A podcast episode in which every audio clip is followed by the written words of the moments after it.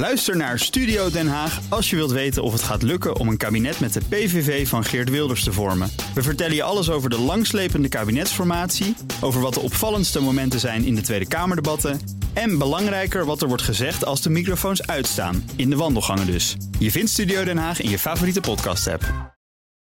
BNR Beurs wordt mede mogelijk gemaakt door Bridge Fund. Make money smile. BNR Nieuwsradio. BNR Beurs. Wesley Weert. Ik kan het weekend al bijna ruiken. Het is donderdag 21 december. Een nieuwe aflevering en een nieuw hoofdstuk in de handelsoorlog. The U.S. is reportedly considering raising tariffs on Chinese electric cars. The Biden administration has, for the most part, left the Trump era tariffs in place on about $300 billion of Chinese goods. Now the White House is considering more levies on EVs and solar products. Hogere invoertarieven op Chinese elektrische auto's en een lager gesloten AX. De AX verliest een half procent en sloot net onder de 790 punten. Philips, de grootste daler met een min van 2,5 procent. En de AX maakt dus een uitglijder. En dat gebeurt Stan van Bond Capital Partners nou nooit. En daar ben ik blij mee, want hij is mijn gast vandaag. Netflix krijgt er mogelijk een grote concurrent bij. Een van de grootste mediadeals van de eeuw is in de maak. Twee gigantische mediabedrijven willen hun krachten bundelen. En een van de twee is bekend van deze klassieker.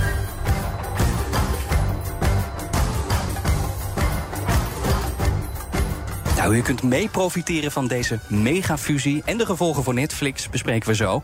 Maar eerst ander nieuws dat opvalt. En dan begin ik uh, bij jou, Stan. Wat heb je meegebracht? Ja, ik heb gezien dat uh, Sony uh, de PlayStation inmiddels al 50 miljoen keer heeft verkocht. PlayStation 5 bedoel ik dan. Ja. En dat is wel opvallend, want uh, we weten natuurlijk allemaal dat ze productieproblemen hadden tijdens corona. En dat iedereen dat ding wilde hebben, maar het nergens te verkrijgen was. Uh, nee. Zeker niet rond de kerstdagen waarop normaal die dingen over de toonbank moeten vliegen.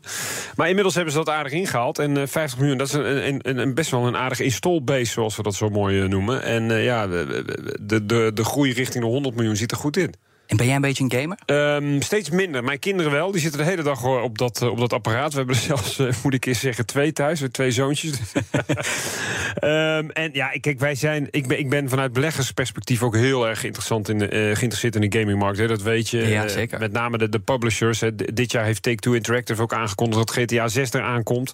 GTA 5 natuurlijk de grootste ja, mediaspectakel ever. franchise, zeg maar. Miljarden opgebracht is alweer inmiddels tien jaar geleden. Maar er zijn nog steeds miljoenen mensen die GTA 5 dagelijks online spelen.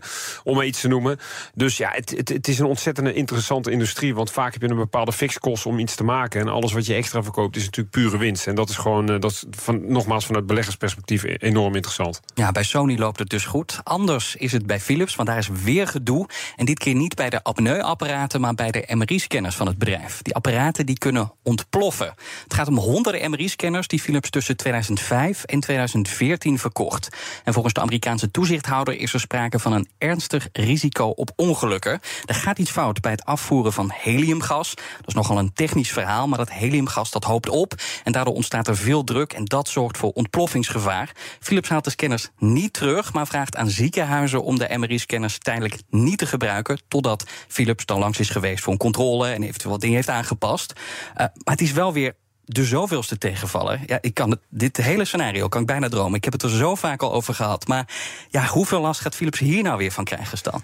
Nou, kijk, aan zich is er, uh, als, als je het standalone bekijkt, is er niet zo heel gek veel aan de hand. Hè. Dat zijn al, dit zijn al wat oudere apparaten, daar blijken wat problemen mee uh, te zijn. Het gaat over maar om één apparaat waar ze dit uh, hebben ontdekt. En dat was, was nog door Philips-medewerkers zelf ook, die, die zeg maar de handleiding niet goed hadden gebruikt. Inderdaad. Maar goed, een, een MRI en ontploffingsgevaar, dat, dat voelt toch niet helemaal lekker als je in zo'n ding. Dat klinkt niet heel fijn. Hey. um, maar het, en daar doe je natuurlijk op. Het is een groter, het is onderdeel van een groter probleem bij Philips. Nou, de, de kwaliteitscontroles zijn blijkbaar niet op orde. Nogmaals, dit apparaat is al uh, tot 2014 was het.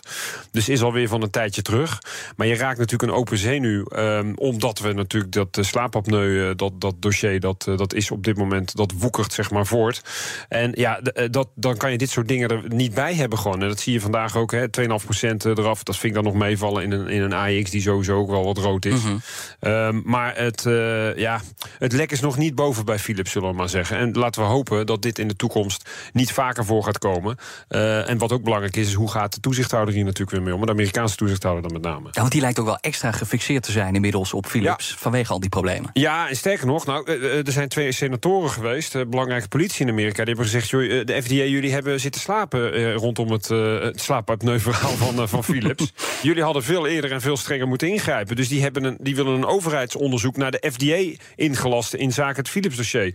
Dat zet natuurlijk ook weer extra druk op de FDA, waardoor het ook logischerwijs weer extra druk op Philips gaat zetten. Dus ja, ja die, die, die staan er niet lekker op daar in Amerika op dit moment. Nee, wat anders dan, want president Joe Biden is helemaal klaar met goedkope elektrische auto's uit China. Net als in Europa wordt de Amerikaanse markt overspoeld met overgesubsidieerde Chinese auto's. En dat moet maar eens stoppen, vindt Biden. En daarom zou hij de importtarieven op die dingen willen verhogen, meldt de Wall Street Journal. En nu al wordt voor de invoer van Chinese elektrische auto's een heffing van 25% in rekening gebracht. En die heffing die stamt dan nog uit het Trump-tijdperk. Maar die wil Biden dus mogelijk verhogen. En die verhoging die komt op het moment dat de Chinese fabrikant BYD Tesla dreigt in te halen als werelds grootste bouwer van elektrische auto's. Dus dan is uh, Amerika bang voor China? Ja, Tuurlijk. En zeker voor de, ja, de, de, de, de eens almachtige automarkt natuurlijk van hè, Detroit, uh, Car City van, uh, van Amerika. Um, maar goed, dat zijn meer de traditionele merken, General Motors, Ford en zo. Tesla is natuurlijk echt de nieuwe rising star geweest de afgelopen decennia. Uh, afgelopen decennium. Um, maar ja, wat, wat wel opvallend is, is dat die Chinezen het elke keer weer voor elkaar krijgen met dit soort producten. Hè. Zonnepanelen was ook zoiets. Om dat zo goedkoop, veel goedkoper dan zeg maar de thuisproducenten op, op een markt te krijgen. Ja. En dan vraag je inderdaad af, ja, kunnen ze dat nou echt zoveel beter dan, uh, dan dat wij Westerlingen dat uh, kunnen? er of wordt hier en daar wat geld toegestopt. Juist, zit er een addertje onder het gras. En dan begrijp ik heel goed vanuit politiek oogpunt en ook ja, zeg maar het proberen te redden van je eigen auto-industrie. Dat, dat, dat je probeert daar zeg maar ja, extra kosten voor de, voor de, voor de buitenlandse producenten mee, of die daar mee op te drijven. Ja. Dus die prijzen een beetje in, in balans te krijgen. Maar van de andere kant weten we ook dat het belangrijk termijn nooit een heel goed idee is om met allerlei exportrestricties of, of inderdaad de kostenverhogende maatregelen te gaan komen, omdat het de vrije handel beperkt. En ook uh, ja, de concurrentie nog wel eens uh, ja, minder innovatief kan maken. Ja, jij zei net, Biden wil die Amerikaanse auto-industrie beschermen. Hij wil, als je het mij vraagt, misschien ook nog wat anders beschermen. Zijn positie als president, ja, die presidentsverkiezingen die komen er ook aan. Speelt dat nog mee bij deze beslissing? Uh, ja, kijk, alles wat, wat, wat foreign is, zeg maar, dat, dat bekt wel lekker natuurlijk in de eh, om daar even hardop op in te grijpen in, in, de, in de verkiezingsstrijd. Hij wil, niet als een softie overkomen. Nee, zeker niet. Maar dat zal Trump ook niet nalaten. Dus uh, weet je, dat, dat wordt dan een gevecht om wie het meeste China kan bashen, bij wijze van spreken. ja, dat dat, dat dat niet goed is voor de relatie tussen die twee landen, ja, dat, dat blijkt maar weer eens te meer. En ik moet ook daarbij zeggen, kijk, Trump was natuurlijk altijd heel hoog van de toren aan het blazen richting China. Dat is Biden iets minder. Maar als je ziet wat voor maatregelen er richting China allemaal al zijn genomen, in stand zijn gehouden, maar inderdaad zelfs ook nog aangescherpt zijn, dan is het echt niet zo dat de Biden administration veel vriendelijker is voor China dan dat Trump dat was. Nee, en, en stel het komt tot een verhoging van die uh, importtarieven. Wat gaat China hier dan van merken? Nou ja, daar kan je er uh, vergif op innemen dat er natuurlijk weer tegenmaatregelen geven. En daarom zeg ik, ja, dat is niet altijd. En dan kom je een soort visueuze negatieve cirkel uh, potentieel terecht. Um, en dat is niet goed voor, voor, voor, voor economische ontwikkelingen, zeg nee, maar, voor wereldhandel. Heeft China Amerika nodig? He, hebben ze die markt nodig om e-, echt te groeien? Of hebben ze voldoende aan Europa? Nou ja, hier hebben ze het ook niet zo makkelijk. Uh, ja. In de eigen thuismarkt. Kijk, ieder, ieder autobedrijf opereert in principe wereldwijd. Ehm, en ieder eh, veel van de productie van uh, autobedrijven. Volkswagen produceert het meeste in China, als ik me niet vergis. Uh, dus ja, weet je, en ook andere uh, auto-manufacturers. en dat is eigenlijk waar we het net al een beetje over hadden met gaming. Als je een bepaald model hebt en je ontwikkelt dat, ja, waarom zou je het. Je kan het in ieder land zijn wegen. Je kan het in ieder land verkopen. Zet het op een schip en, en verkoop het daar ook. Dus waarom zou je een grote markt als de Amerikaanse markt overslaan? Ja. Uh, zeker als je het uh, beter en goedkoper kan, zeg maar, met een knipoog, dan, uh, dan, dan, dan, de thuisconcurrent. Mm -hmm. dus ja, dat zijn belangrijke markten. Ik denk voor iedere autobouwer dat gewoon, dat is echt een wereldmarkt. Ja, die elektrische auto is een van de doelwitten. Op welke andere producten worden de tarieven mogelijk uh, verhoogd? Nou ja, waar we, we, het al over hadden, zonnepanelen. En ja, er zijn uh, eigenlijk dat soort uh, zaken die nu een beetje aan die verduurzamingskant, zeg maar. Batterijen? ja, batterijen inderdaad. Hè. Nou, daar hebben we natuurlijk ook de Japanners van, bijvoorbeeld Panasonic, die, die heel groot zijn in, in de batterijbusiness. Ja. overigens ook wel weer interessant. maar goed, dat is een sprongetje naar wat we straks misschien nog even over gaan hebben. Dat die lithiumprijs weer helemaal onderuit is gekacheld. Waardoor sowieso de batterijen weer goedkoper gaan worden voor elektrische auto's. Um, maar ik, ja, weet je, eh, als je echt puur kijkt naar een, een liberaal kapitalistisch model, is het niet goed om met allerlei restricties over en weer te gaan komen. Wat anders dan wat vind jij van jouw werkdagen? Zijn die te lang? Uh, Oeh.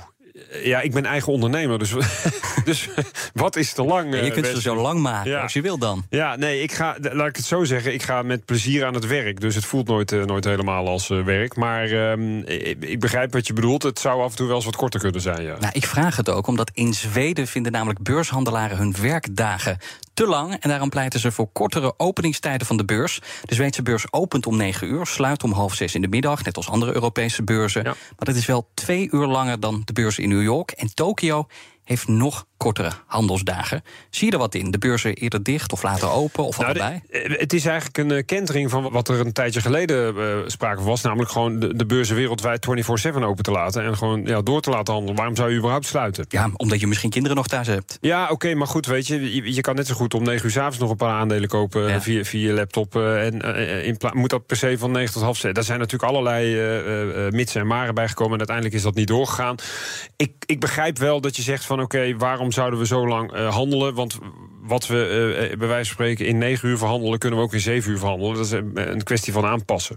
Ik heb goed nieuws voor beleggers in chipaandelen. De prijzen van chips gaan stijgen. En Stan vertelt zo of ook jouw aandelen meer waard gaan worden. Eerst naar Netflix, want dat gaat een zwaar jaar tegemoet. Twee van de grootste mediabedrijven ter wereld willen mogelijk samengaan. Het gaat om Warner Bros. Discovery en Paramount Global. En de twee praten over een fusie. This would be a massive, massive media conglomerate. We're talking about two of the nation's already gigantic conglomerates coming together as one. We know that David Zaslav, the CEO of Warner Bros. Discovery, and Bob Bakish, the CEO of Paramount Global, had lunch yesterday in Manhattan near their headquarters to talk about many things, one of which reportedly was the prospect of a potential merger between the two companies and what that would look like. Die gesprekken zouden dus deze week hebben plaatsgevonden, vertellen bronnen aan de Financial Times. Als er een fusie komt, dan gaat de eigenaar van HBO en CNN samen met de filmstudio achter onder meer de Mission Impossible films en CBS News. daarmee ontstaat dus een megabedrijf en een serieuze concurrent voor Netflix en Disney. Waarom zoeken juist deze twee bedrijven elkaar op, Stan? Nou, eigenlijk is dat, eh, wat mij betreft, een beetje uit armoede geboren. Uh, ja, zeker. Kijk, dit zijn natuurlijk grote kabelbedrijven van de, de, de, de network companies, zeg maar. Je noemde er net al een paar. Um, en we weten natuurlijk allemaal dat daar het uh, ontzettend lastig is geworden sinds de opkomst van, uh, van streaming. Hè. Lees ja. inderdaad Netflix. De advertentieinkomsten lopen terug, het aantal kijkers loopt terug. Ja, dat is gewoon echt lastig dus. Dus je ziet wel vaker dat dan mediabedrijven gaan kijken... oké, wat, wat kunnen wij eraan doen om zeg maar synergieën te bereiken? Hè? Lees veel kosten te, te schrappen. Tegelijkertijd toch onze content in de lucht houden. Dus het is, eigenlijk is het, is het vreemd dat je kijkt aan ene kant, oké, dat die twee networks bij elkaar gaan. Ja, dat belooft niet veel goed, zeg maar. Dat bedoel, dat zal echt uh, serieus ingesneden moeten worden dan. Ja. Van de andere kant, het zijn, uh, als je kijkt op streaminggebied... Uh, hebben ze allebei ook een streamingdienst. Alleen, dat is ja, het klein voor tafellaken, te groot voor het servet, zeg maar. Nog wel. Nog wel. En daar zie je wel de voordelen inderdaad. Want als ze die zouden samenvoegen, dan komen ze ineens in de top drie van streamingdiensten weeldewijd. En dan begint het wel serieus substantie te krijgen. Ja, en wie, wie heeft wie nou uh, harder nodig? Warner Bros. of Paramount? Ja, oeh, dat is lastig. Uh, kijk, ik denk dat ze elkaar nodig hebben, anders gaan ze ook niet met elkaar praten. Nee. Maar uiteindelijk gaat het natuurlijk ook om wat voor deal er op tafel gaat komen. En het zijn wel verkennende gesprekken, als ik het goed begrijp. Dus er is nog helemaal niets besloten. Er wordt ook al meteen eh, gezegd van ja, wacht even, dit gaat Washington ook niet zomaar goedkeuren. Want er, ontstaat echt een media powerhouse, zeg maar. Met name inderdaad in die die, in die nieuwsnetworks, zeg maar. Ja, dan zouden de toezichthouders die zouden daar ja, voor steken. Nou ja, of in ieder geval eisen kunnen stellen... dat er sommige dingen afgesplitst moeten worden. Uh, dus zo snel zal het nog niet gaan. Maar het is wel opvallend inderdaad dat dit soort bewegingen plaatsvinden. We hebben het in, in, in, in Nederland gebeurt het inmiddels ook wel wat vaker. Hè? De, de, de, de, Videoland. Ja, we. RTL inderdaad. Dat, dus, ja, het um, is wel een ander formaatje hoor. Een heel ander formaat. Maar het is wel interessant dat je ziet dat dat medialandschap in, in beweging is. En dat komt weer door de innovaties die er zijn geweest. Hè. Nogmaals, streaming. Ja. eh, de, afgelopen, de afgelopen jaren. En, en jij zei net, ze, doen, ja, ze hebben die lineaire tv, dat is aflopende zaak. Dat wordt alleen maar minder en minder. Maar ze hebben. Ah, tenzij het nieuws of sport is, live zeg maar, dan, dan gaat het wel weer goed. Maar Ja, inderdaad, goed, maar die hele niemand gaat, eh, gaat een oude Friends rerun eh, op, op, op de kabel zitten kijken, zeg maar. Nee, dus ze moeten het hebben van streaming. Ja. Beide bedrijven, zowel Warner Bros. Discovery als Paramount, hebben dus een eigen streamingdienst. Als die twee samengevoegd worden en je vergelijkt ze met de grote concurrent Netflix, ja, w- ja, hoe, groot zijn ze dan? Ehm, nou, qua content lanceren ze zichzelf dus dan in de top drie. eh, samen met eh, Disney en eh, Netflix. Amazon Prime die zit daar dan eh, net onder. Ehm, en dat is wel interessant. Want kijk, eh, het zijn Warner Bros. en Paramount. eh, echt twee, zeg maar, ehm, eh, traditionele mediabedrijven. Een Amazon of een Apple zou deze deal nooit kunnen doen. Want dat, dat zou echt nooit goedgekeurd worden in Amerika. Die zijn nog groot en machtig genoeg. Het is een beetje de lammen en de blinden die elkaar helpen, zeg maar. Ehm, maar ja, eh, eh, ik vind het heel erg moeilijk om te zeggen. Omdat je niet precies weet wat er over gaat blijven. Waar de, eh, de, de, de, de focus op komt te liggen, zeg maar. Ehm, en eh, ja, of, dat, of ze een interessant genoeg aanbod hebben om... De, want daar gaat het uiteindelijk om. De subscriptions natuurlijk eh, verder, eh, verder op te schroeven. Ja, ze kunnen het Netflix natuurlijk ook wel moeilijk maken door gewoon te zeggen: de content die wij zelf maken, bieden we niet meer aan op Netflix. Denk je dat dat geen verschil Nou ja, ook maken? daarvoor hebben ze natuurlijk hele goede rekenmodellen. Wat, is, wat, wat levert meer op om het te verkopen of om het exclusief op onze eigen, Ja. op onze eigen kanalen te houden? Ja. Dat, bedoel, dat, ja, dat, dat, dat kunnen ze gewoon. Er zijn genoeg mensen met, die handig met spreadsheets zijn om dat te berekenen. We hebben de afgelopen jaren gezien dat die streamingdiensten eh, als paddenstoelen uit, de- uit de grond eh, schoten. Nu zie je zo langzamerhand dat veel van die bedrijven samengaan, gesprekken voeren. Verwacht je dan de komende jaren een tegengestelde trend? Dat veel van die streamingdiensten ja, dus gaan fuseren, gaan samenvoegen?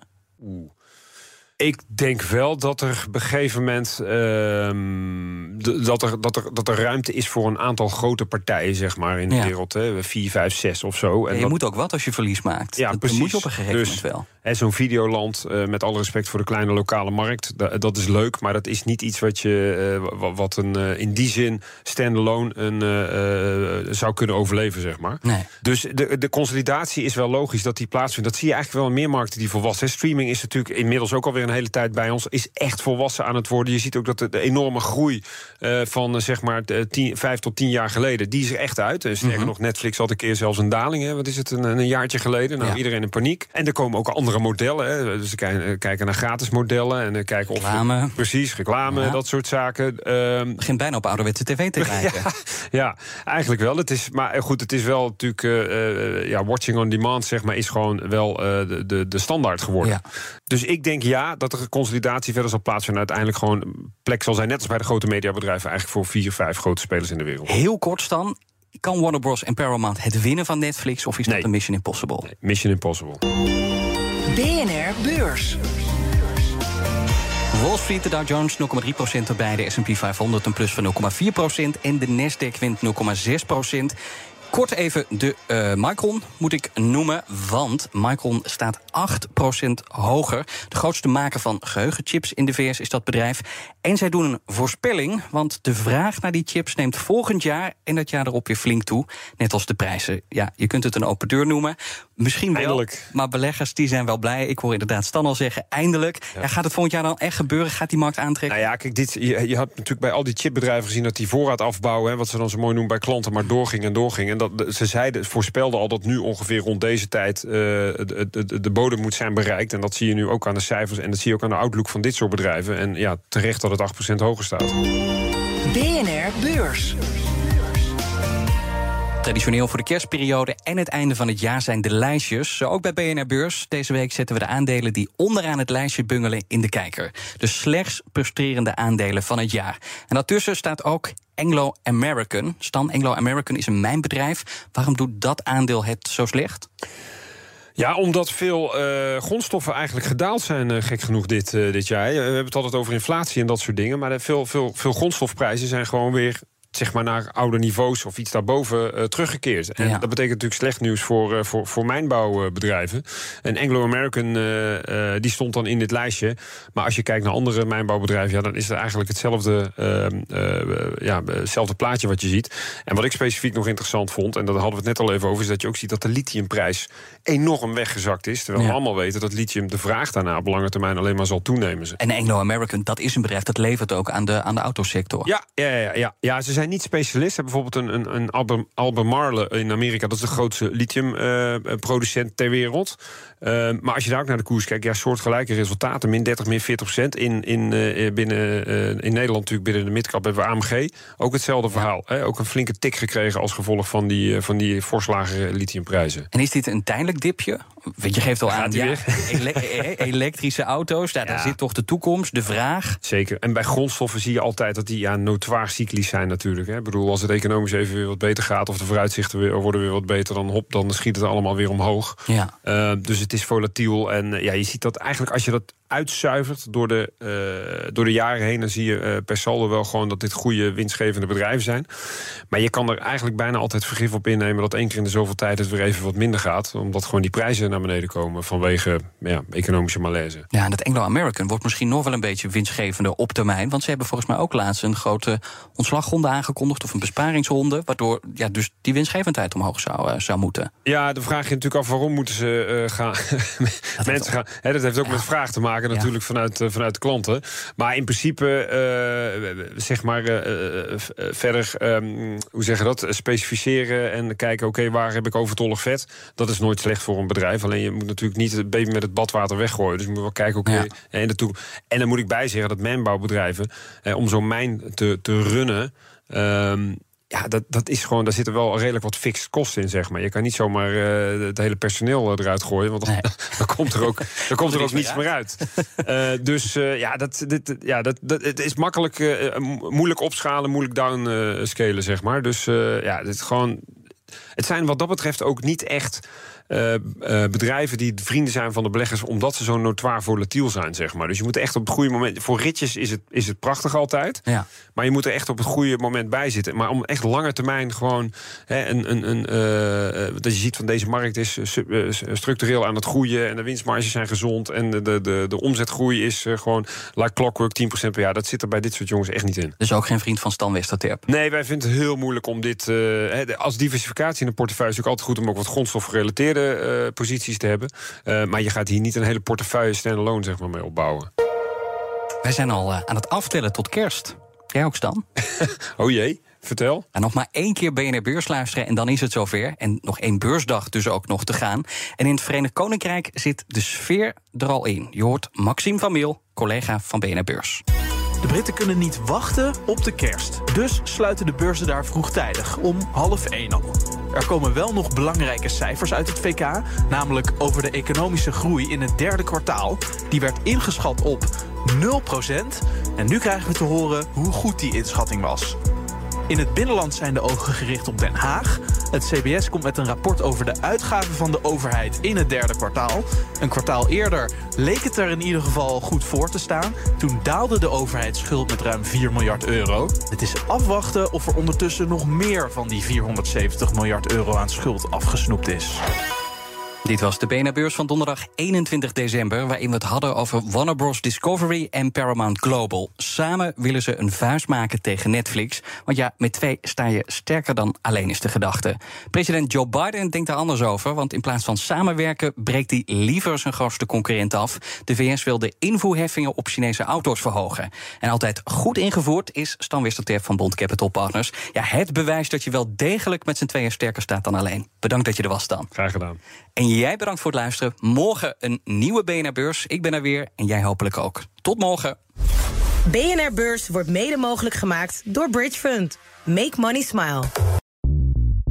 Bij BNR ben je altijd als eerste op de hoogte van het laatste nieuws. Luister dagelijks live via internet. Bas van Werven. En heel langzaam komt de zon op rond dit tijdstip. Je krijgt inzicht in de dag die komt op BNR, het Binnenhof in Nederland en de rest van de wereld. De Ochtendspits. Voor de beste start van je werkdag. Blijf scherp en mis niets.